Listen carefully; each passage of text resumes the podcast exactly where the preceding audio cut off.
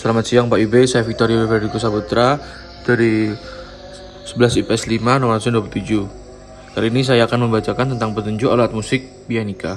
Pianika adalah salah satu musik barat yang merupakan alat musik tiup kecil yang dimainkan dengan tiupan langsung atau mema- memakai pipa pipa lentur yang dihubungkan ke mulut.